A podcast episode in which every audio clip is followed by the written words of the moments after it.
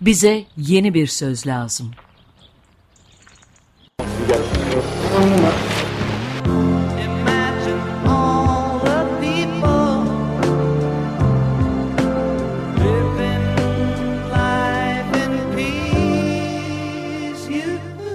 Bekir Ağırdır'la yeni bir yol haritası denemesi.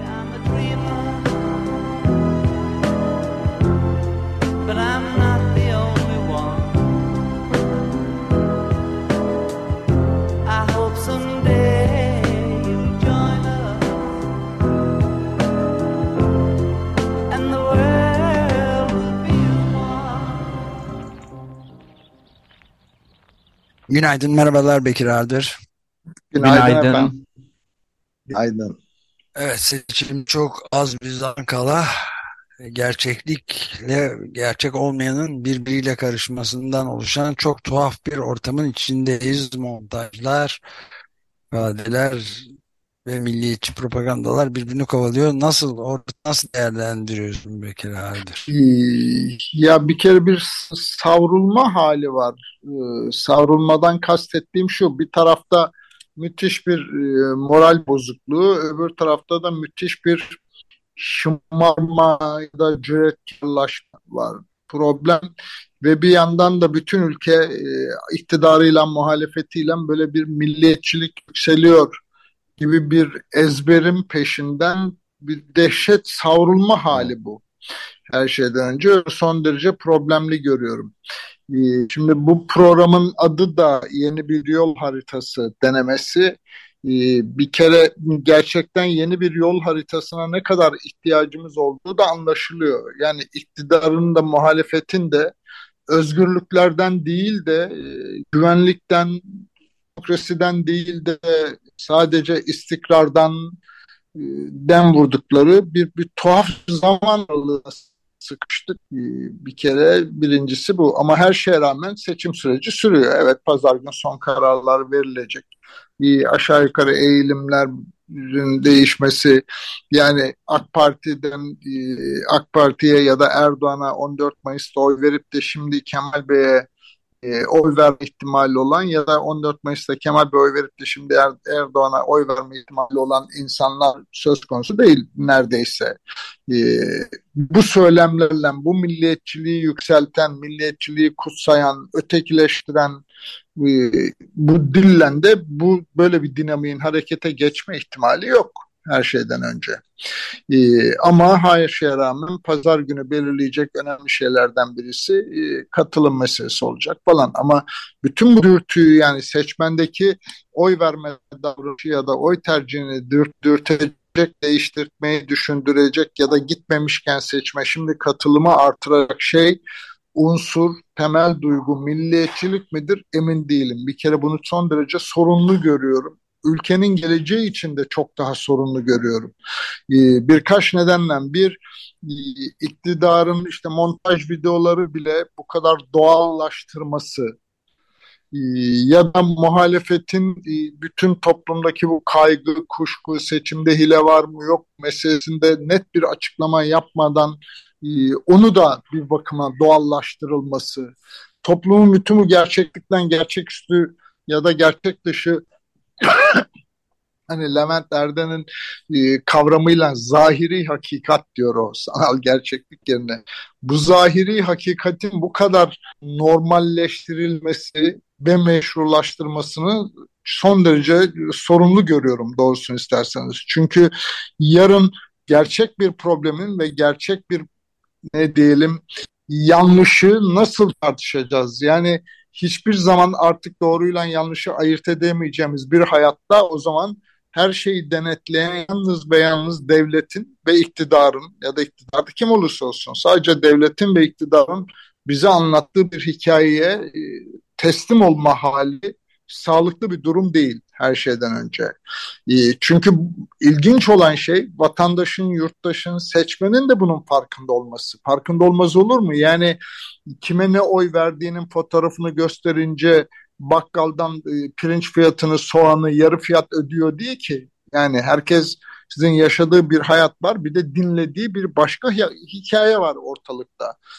Bu yarılma hali doğal olarak yarın gündelik hayatta ama trafik diye, ama kiracı ev sahibi ilişkisinde, ama herhangi bir ticari ilişkide, herhangi bir başka konuda nasıl gerçekliğe veya hukuka sığınacağız ya da gerçekliğin ve hukukun hakim olunmasını gerektiren bir hikaye nasıl üreteceğiz? Şimdi bütün bunların sonunda benim kaygım şudur ki ülke ortak ufkunu kaybettiği gibi ortak yaşama iradesini de kaybedecek.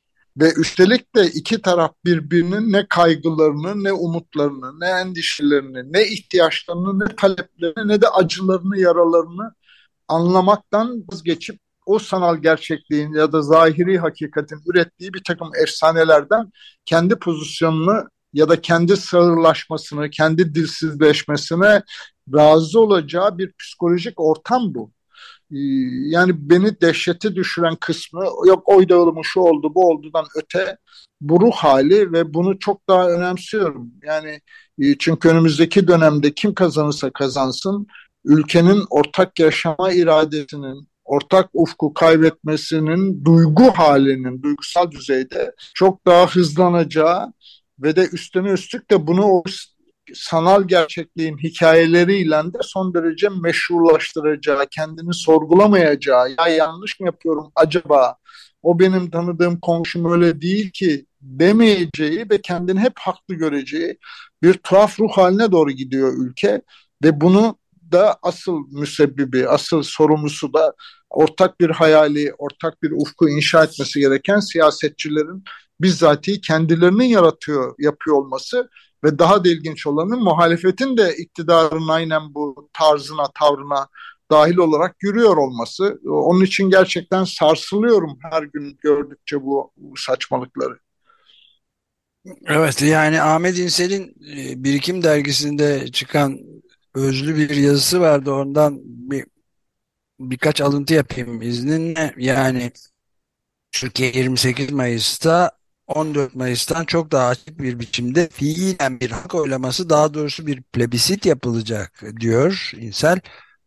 Esas olarak bir kişiye Tayyip Erdoğan'a evet ya da hayır oyu verilecek. Bu fiili plebisit vasıtasıyla Tayyip Erdoğan'a evet diyerek Erdoğanizmin pekişmesi, iyice kurumlaşması ve yerleşmesi yönünde oy kullanmak Kılıçdaroğlu evet oy vererek siyasi, toplumsal, iktisadi geleceğimiz açısından çok büyük bir tehlike oluşturan rejim biçimi ve onun liderliğine dur demek arasında seçmenler tercihlerini ifade edecekler. Her iki taraf seçmeni de ne için oy verdiğini gayet iyi bilerek tercihini ifade edecek. Bazı çevrelerin cahil ya da aldatılmış seçmen analizlerinin tersine iki adayın seçmenleri gerçekte ne istediklerini gayet iyi biliyor. Ne için oy verdiğini bilmeyen bir seçmen kitlesi değil, tam da istediğini bir seçmen topluluğu ikinci kez sandığa gidecek ve bunun böyle olması gelecek açısından bu seçimi daha önemli kılıyor demiş ve sonucu yazı kısa özlü yazısının sonunda da şey diyor. Erdoğan'ın bize dayattığından başka bir Türkiye'yi hepimiz farklı tasarlayabiliriz. Ama Tayyip Erdoğan yönetiminin Türkiye toplumunu bugün içine soktuğu durum ve iktidarda kalırsa götüreceği istikameti dikkate alarak bu farkı farklı tasarı ve özlemlerimizi öne sürmeden önce bu gidişe amasız fakatsız dur dememiz gerekiyor. Bu gidişe şimdi ve burada dur demenin önemi ve bunun mümkün olan en yüksek oranda ifade edilmesinin sorumluluğunun bilincinde olarak 28 Mayıs'ta yeter artık dur çığlığının duyulması ve üstün gelmesi için sandık başına gideceğiz diyor Profesör Ahmet İnsel. Her şeyden önce yeter artık dur demek başlıklı yazısında birikimde. Ne e, diyorsun? Evet yani bir kere Ahmet Hoca'nın bu tespitlerine katılıyorum. Yani bir e, böyle olmamalıydı. Muhalefet çok daha önceden hikayeyi değiştirmeliydi ama sonuçta e, bu seçimi belirleyecek dinamik Erdoğan'la tamam mı devam mı dürtüsüne düştü. Birincisi o. İkincisi de Erdoğan'dan tamam diyenler veya devam diyenlerin de yok manipüle edildiler, yok ıı, cahiller mi, öyle mi, böyle mi ya da Batı'nın etkisinde kaldı, ötekinin etkisinde kaldı gibi efsanelerin gerçek olmadığını ben de seçmenin bilerek isteyerek oy verdiğini düşünüyorum. Bu birincisi. Yani e, hile hurda açıklamaları ya da manipülasyon açıklamaları bütün karşı karşı olduğumuz tablonun bütününü açıklamaya yetmiyor. Elbette evet bütün bunlar var az veya çok belki ama e, hikayeyi buradan açıklamak doğru değil. Burada aramamız gereken şey seçmen hangi dürtülerle bütün bu gerçekliğin içinde davranıyor. İşte biraz önce konuştuğumuz o sanal gerçeklik, o bir hikayeler e, meselesi birazcık da o pozisyonları yani bilerek oy verirken o pozisyonlarını meşrulaştıran bir alan açıyor her şeyden önce. Ama sonuçta bu seçim Erdoğan'dan tamam mı devam mı seçimine döndü ve zaten sorun da biraz da buradan kaynaklanıyor. Yani muhalefet ya da Kılıçdaroğlu başka bir hayatın mümkün olduğunu ekonomik maddelerin dışında anlatmadığı, anlatamadığı önceliği bu değil. Kaldı ki ikinci tur içinde kurulan şu son 10 gündür tanık olduğumuz hikayede e, tümüyle sanki seçmen milliyetçilikten oy verdi. Biz daha milliyetçi bir söyleme yönelelim evet. demek. Yani ben Ayrıca Ümit Özdağ'dan... herhalde oy verenleri de cepte farz ediyor. Evet. Bunlar kesin var artı yüzde beşi alırsam bitti bu Aynen. iş diyor. İlk turdaki ittifak ilişkileri de böyleydi. Sizin de analizlerinizde var. O bile tam evet. işlememiş yani. Daha gelecek ve Saadet Partisi AKP'den yüzde iki üç koparmış olması gerekiyordu. O yüzden zaten ittifak kurulmuştu. Pek öyle olmamış daha çok ittifakın, Cumhur İttifakı'nın diğer üyesi yeniden refaha gitmiş gibi duruyor Aynen. mesela. Yani dolayısıyla İki... bu milliyetçilik açıklaması, milliyetçi bir yerden düşündüğü seçmen açıklaması doğru değil. Yani eksik ya da hikayenin bütününü açıklamıyor. Elbette böyle hani milliyetçilik mi yükseliyor? E peki ama yani şimdi işte CHP'nin ya da Kemal Bey'in söylemlerine bakınca daha milliyetçi e, Suriyeliler meselesinde en azından niye o etki üretmiyor ya da İyi Parti MHP'den daha mı az milliyetçi e, eğer milliyetçilikse ya da Sinan Ogan'ın arkasındaki o 5-5,5 puanlık oy sadece Sinan Ogan'ın yeni bir ülkücülük tarifinden mi kaynaklanıyor? Böyle evet. değil ki. Evet. Nitekim görüş Sinan Ogan'ın veya Zafer Partisi'nin veya diğer aktörlerin herhangi bir kararıyla onların seçmenleri oradan oraya geçiyor değil. Bunu da konuştuk biliyorsunuz. İkinci tur bir muhasebe işlemi değil. Birinci turdakilerini toplayıp şu hesabı yaptık, şöyle mühendislik kurguladık hikayesinden de olmayacak. Dolayısıyla burada e, bir kere e, hepimizin, ben dahil, hepimizin yeni baştan, serin kanlılıktan seçmene niye hikayeyi doğru anlattık, anlatamadık meselesine kafa yormamız lazım. Pazar akşamı çıkacak sonuç ne olursa olsun.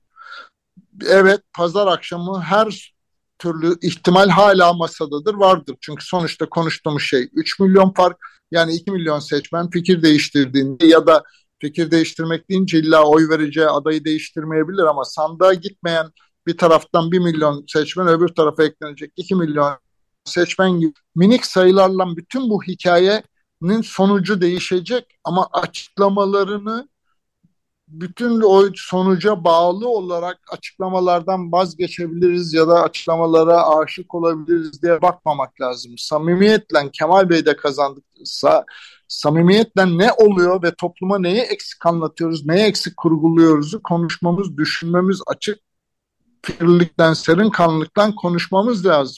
Ama ne yazık ki e, Ahmet Hoca'nın da o işaret ettiği hedefin ya da kaygıyı paylaşan insanlar bile e, ne kadar serin kanlı tartışabiliyoruz bu meseleyi e, ondan da çok emin değilim. O nedenle bildiğimiz her şeyi yeni baştan masaya yatırıp konuşmakta yarar var. Kim kazanırsa kazansın. Ama sonuçta pazartesi sabah bambaşka bir ülkeye uyanmayacağız. Ülkelerin iflasları, şirketleri, konvertörde ilan ettim, kepenkleri indirdim gibi elbette olmuyor. Bu ülkede hayat devam edecek. Ama nasıl devam edecek ve nasıl olmalı? Seçmenle ilişkiyi nasıl kurmalıyız? İnsanların umutları, ihtiyaçları, talepleri, kaygıları nedir? Yeni baştan düşünmemiz lazım. Ama görünen şey şu bugün devlet dediğimiz yapıda iktidarla beraber tümüyle güvenlik temelli ve güvenliği de sınır güvenliği diye anlayan ve de içeridekileri ötekileştiren yani milliyetçilik esası itibariyle kendini yüceltmek ve dışarıdaki düşmana karşı kendini kusmak hali değil mi? Ama bizde peki yükseliyorsa milliyetçilik ya da milliyetçilik gerçekten varsa hedefi yurt dışındaki ya da Türkiye dışındaki Türkiye ulusu ya da Türk toplumunun dışındakiler değil ki kendi içindeki farklı düşünenler. E buna milliyetçilik diyebilir miyiz? Yani farklı içinde farklı düşünenlere, kendi içindeki farklılıklara e, böylesine davranışı milliyetçilik yükseliyor diye mi anlamalıyız? Dümpenlik, şovenizm, kutuplaşma diye başka hatta ırkçılık. Yani evet, hatta ırkçılık. bu. Yani dolayısıyla bütün bu hikayeyi yeni baştan hani sadece pazar günkü sonuca bakarak bunları unutamayız yani. Yeni baştan bütün bunları tartışmamız lazım. Ee, onun için daha temkinli konuşmaya çalışıyorum. Pazar günü şu olur bu olur demeden ne olursa olsun ama gerçekten içtenlikle o yeni yol haritasını konuşmamız lazım. Tam da o nedenden o kitabı ben seçimlerden önce yayınladım. Seçimin sonucuna bakarak değil. Çünkü baştan itibaren şuna itirazım var. Bırakın milliyetçilik meselesini bile. Bugün Türkiye'nin karşı karşıya olduğu sorunların hiçbirisi ve bu ülkedeki 85 milyon yurttaşın hiçbirisi bir liderin kim olursa olsun ister Erdoğan ister Kılıçdaroğlu bir liderin bilgisi, fantazisi, hayalleri, ütopyasıyla sınırlı bir hayata mahkum edilebilir mi? Doğru mu bu? Yani yanlış olan zaten bu kısmı meselenin. Ve bunu seçmene anlatamadık ya da muhalefet de zaten böyle bir derdi olmadı. Oyu bana verin her şeyi ben hallederim diye bir anlatıdan o zaman da bu, tüm bu anlatıları hayata geçirebilme ne diyelim kas gücü olana birinci turda biraz daha yaslanmış oldu. Ama bütün hikayede bitmiş değil. Seçmen pazar günde oy verirken kime, neye, niçin oy verdiğini bilerek verecek. Ama o niçin sorusunun cevabında sonuçta seçmeni suçlamak, toplumu suçlayarak e, bulacağımız her cevap yanlış kapıya çıkar. Çıkıyor nitekim zaten 2011'den beri bu tartışmaları bu ülke her e, yerel seçimden, genel seçimden, referandumdan sonra yaptı tekrar tekrar. Bu az evvel bahsettiğiniz kitabım dediğiniz Aralık ayında çıkan Bize Yeni Bir Söz Lazım. Türkiye evet. için yeni bir siyaset arayışı kitabı 2022 aralığında Mundi yayınlarından yayınlanmıştı. Evet üzerinde programda yapmıştık. Bu lumpenleşme meselesi e, son derece önemli. Yani biraz e, Emil Durkheim'ın da sosyolog intihar kitabında çok uzun yıllar önce yüz yıl yani önce yazdığı kitapta e, anomi diye yani toplumun bireyin yurttaşların toplumla bağının kopmasına yol açacak bir durumdan bahsedip intiharların da artmasından e, söz ettiği durumu da hatırlatıyor zaman zaman. Yani mesela benim aklıma da şu şey geldi. Bu sabah çok kısa ama önemli bulduğumuz bir habere değindik ilk sıralarda, ilk dakikalarda. Depremzede olduğunu söyleyen 5 yaşındaki bir Türk çocuğu Hollanda'da tek başına bulunmuş. Tek kelime Hollandaca bilmeyen çocuk ülkeye nasıl geldiği bilinmiyor. Büyükşehir'de tek başına başlığıyla Hollanda polisi Instagram hesabından açıklamış. 5 yaşında şehir merkezinde yalnız başına dolaşırken bilmediği bir dilde, bilmediği bir ülkede annesiyle depremzede olduğunu 6 Şubat'taki depremde ana babasının yaralandığını söylemiş. Şimdi bu konuda milliyetçilik asıl bu çocuğu benimsemekte değil mi? Evet, evet, aynen öyle. Yani aynen öyle. Şimdi e, görünen şu ki milliyetçilik meselesi yani ortak yani seçmen bence e, ortak hayatta kaygılarından hareket etti. Bireysel hayattan da vaade baktı ve vaatlerde de birisinin yapma gücü var diyor. E, ama ortak hayattaki e, alanda asıl hikayenin nasıl çalışması, nasıl olması gerektiği, toplum olmanın, ortak kadere inancın, ortak geleceğe kabulün, ortak ufka bakmanın gereği konusunda çok bir eksiklik var ve orada da insanlar güvenlik kaygısıyla hareket ettiler. Bir kısmı kimlik bir sürü açıklama elbette var ama sonuç olarak seçmen ne yaptığını bilerek yapıyor diye düşünüyorum ben. Ee, o nedenle sadece cehalet falan açıklamalarından sıyrılarak biraz daha soğukkanlı bu hikayeye bakmak lazım birincisi. İkincisi bir yandan da mesela bütün teoriler siyaset biliminde de buna benzer bütün hikayeler batıda da var. Bütün ülkelerde de var. İşte geçen hafta Yunanistan'da da seçim yapıldı. Orada da aynı hikayeler tartışılıyor. Bütün dünyada bir durum hep konuştuğumuz hikaye. E, bu durumdan çıkışa dair bir umut siyaseti henüz ne bizde ne başka ülkelerde çok baskın biçimde toplumlarda kabul edildi değil. O zaman gerçekten belki de literatürdeki, e, teorideki bir sürü kavramı da yeniden tartışmak, araştırmak durumundayız. Seçimlerin sonucu ne olursa olsun. Çünkü Türkiye bir yandan da bir vaka analiziyle var. Yani 2017'den beri aşağı yukarı bir referandum, bir yerel seçim ve bir genel seçim ve Cumhurbaşkanlığı seçimi yaptık. Şimdi de işte 6. yılında bu seçimleri yapıyoruz ve 6 yılda bile oy oranlarından bakıldığı zaman evet yarım puanlık değişimin de çok büyük siyasi sonuçları olacak Ahmet İnsel'in söz ettiği gibi. Ama o yarım puandan öte baktığınız zaman da toplum işte 50-50 karpuz gibi ayrışmış, bölüşmüş, bölünmüş durumda. Dolayısıyla asıl problem karşımızdaki problem bence budur. Yani e, ama şunu biliyoruz, iktidar devam ederse bu problemi çözen yana değil, tam tersine bu problemin varlığını güç alıyor ve bunu körüklemeye devam edecek. Ee, o zaman da hani her şeye karşın bu iktidarın durdurulması ya da değiştirilmesi bir başlangıç noktasıdır.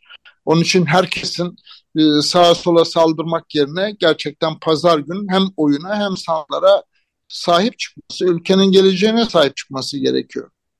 Ee, bir son dakika haberi vermiş olayım. Biraz muhalefet açısından yani muhalefetin bizim gibi düşünenler açısından olumsuz bir haber ama e, Zafer Partisi Genel Başkanı Ümit Özdağ 11'de açıklama yapacağını duyururken bir tweet attı.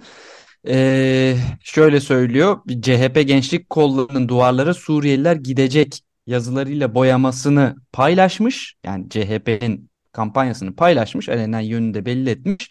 Ve şöyle diyor. Elinize sağlık genç. Size Zafer Partisi'ndeki şablonları da verelim. Söz ben İçişleri Bakanı olarak yollayacağım diyor Suriyelileri. Ancak sadece Suriyelileri değil Türkiye'yi dünyanın Luna Parkı zanneden kadınlarımıza cariye muamelesi yapan, sokaklarımızı uyuşturucu cennetine çeviren, Selefi cihatçı örgütlenme yapan ve yılda 11 milyar dolarımızı yiyen herkes gidecek. Bugün saat 11'i bekleyin demiş. Bir tür yönünü belli etmiş ama her zamanki gibi Suriyelilere yönelik e, ayrımcı hatta açıkça ırkçı söylemlere de devam etmiş. Ama İçişleri Bakanı olacağını söylemesi ilginç burada eğer bakalım doğru mu değil mi göreceğiz ama. E, yani şimdi bir iş artık böyle e, pazarlıklara döndü. O zaman neyse şimdi dönüp tabii aktörler üzerinden değerlendirme yapmak işin birazcık kolay tarafı mümkün olduğunca ondan uzak durmaya çalışıyorum ama yani Türkiye'nin şu andaki problemi bu değil bence ama ne yazık ki siyaset buraya kitledi meseleyi ve evet. sonuçta güvenlik temelli konuşuyoruz birincisi. İkincisi bütün bu görüşmeler Sinan Ogan meseleleri vesaire vesaire bakıldığı zaman hani söylenecek çok şey var elbette. Ee, ama dediğim gibi sadece hikayeyi aktörlerden okumak ve seçimin sonucundaki puanı kimin aldığına bakarak yorum yapmanın eksikliği olduğunu samimiyetle bu programın da adı, jingle'ında başından beri ifade ettiğimiz o yeni sözün, yeni yol haritasının serin kanlılıktan tartışılmasının vaktinin gelmedi, geldiğini ve hatta geçmekte olduğunu düşünüyorum. Ee, onun için her şeye rağmen mutlu olmak, evrensel doğrular için bu toprakların 12 bin yıllık birikimi ve gele hareket yönü için bile bütün bu ara dönemin dışında düşünmek gerekiyor. Ee, ve pazar günde bu gözden oyumuza sahip çıkmak gerekiyor. Şu üç günde bile bence sadece hile mi oldu, cahiller mi oy verdi tartışmasına kitlenmeden ve Suriyeliler meselesine de kitlenmeden birazcık da ülkenin geleceğini e, düşünerek ve kendi geleceğimizi düşünerek sadece çocuklarımızın geleceğini de değil. Biliyorsunuz bu seneki mottom hep miras bırakmak diyordum. Hala da miras bırakmak istemiyorum. Onun için başka bir şey yapılması lazım ve de toplumun her birimizin, her kesin tek tek komşusuyla öbür seçmenden cahillik, suçlama vesaire üzerinden değil, yeni baştan hiç olmazsa kendisine soru sordurtma üzerinden başka bir şey yapılması lazım. Ve hala da bu mümkündür. Çünkü sonuç olarak konuştuğumuz şey e, demin de dediğim gibi 2 milyon mertebesinde bir oyun bir tarafa değil öbür tarafa doğru meyletmesi meselesi. E, bu da muhtemel mu, mümkündür. E, 2018 yerel seçimleri, 2019 yerel seçimlerinden sonra İstanbul'da da yerel meclis oluşmuştu. AK Parti MHP üyelerinin çoğunlukta olduğunu da gördü İstanbullu seçmen ama işte AK Partililerin bir kısmı sandığa gitmedi. Asıl 31 Mart'ta sandığa gitmemiş gençlerden de 4 puana yakın insan ikinci tura gelip Ekrem Bey'den yana oy kullandı. Dolayısıyla bir kez daha bunu başarmak, bunu mümkün kılmak e, için çabalamaktan başka çare yoktur. Ama pazartesi sabah her halükarda kim kazanırsa kazansın biraz önce konuştuğumuz bütün konular ve sorular önümüzde geçerli ve asıl mesele de odur. Yani e, gerçeklikten bu kadar bağımız koparak sadece İHA'lar, SİHA'larla bir güvenlik temelli hayat kurgulamak ya da bunun mümkün olduğunu sanmak ya da bunu yapabilir, teknik olarak yapabilsek bile, başarılsa bile sokaktaki her bir adımı denetlemek mümkün olsa bile ki örneğin Kuzey Kore var işte yapıyor her şeyi de. Peki insanları mutlu mu? İnsanları refah içinde mi yaşıyor? Kuzey Kore 50 sene sonra daha ferah, daha mürekkep bir ülke mi olacak? Bu yani hayır olmayacak. Bunu Koreliler de biliyor. Dolayısıyla hikaye başka bir şey aslında aramakta olduğumuz şey. Üç gün bütün bunları yeniden düşünmeye yeter mi demeden uğraşmak ve son dakikaya kadar çabalamak gerekiyor. Evet yani bir ufak alıntı daha yapmama izin verirseniz Hakan Altınay'ın iletişim yayınlarından çıkan Medeni kitabı da çok bunu enine boyuna tartışılıyor ve şunu söylüyor. Siyasi ile medeni arasındaki fark tam olarak nedir sorusuna siyasinin temel derdi güç ve iktidar iken medeninin odağı müşterekler ve muhabbet. Yani dikey ilişkilere ve güce duyarsız bir medeni olamayacağı gibi müştereklere, muhabbete kör ve sağır bir siyasi de tehlikeli zehirli bir mutasyon olacaktır. Sonuçta neyse ki diyor bir bölüm kitabın ilk bölümlerinden birinde Vakainame e, de de bunu ele alacağız. Vakainame programında da. Neyse ki toplum ve iktidar partisi sadece güçperestlerden oluşmuyor. Kin ve kibir telkin edenler kendi tepkilerini de oluşturuyor. Birileri de medeni olanı onama işi için kolları sıvıyor. Ya hırpalanmış medeniyi sağaltıp güçlendireceğiz ya da medenisi kaçmış siyasetin kanseriyle çürüyüp çökeceğiz. Seçim neyse ki bizim hepimizin demiş bir bölümünde kitabın Hakan Altınay. Evet. Yani uğraşmaya devam. Uğraşmaya devam. Çabalamaya devam. Düşünmeye devam ve çalışmaya devam. Yani. Evet aynen öyle. Peki çok teşekkür ederim. Bitiriyoruz. Bu noktada saat 10. Allah gelsin efendim. Çok teşekkürler. Çok teşekkür ederiz. Görüşmek üzere.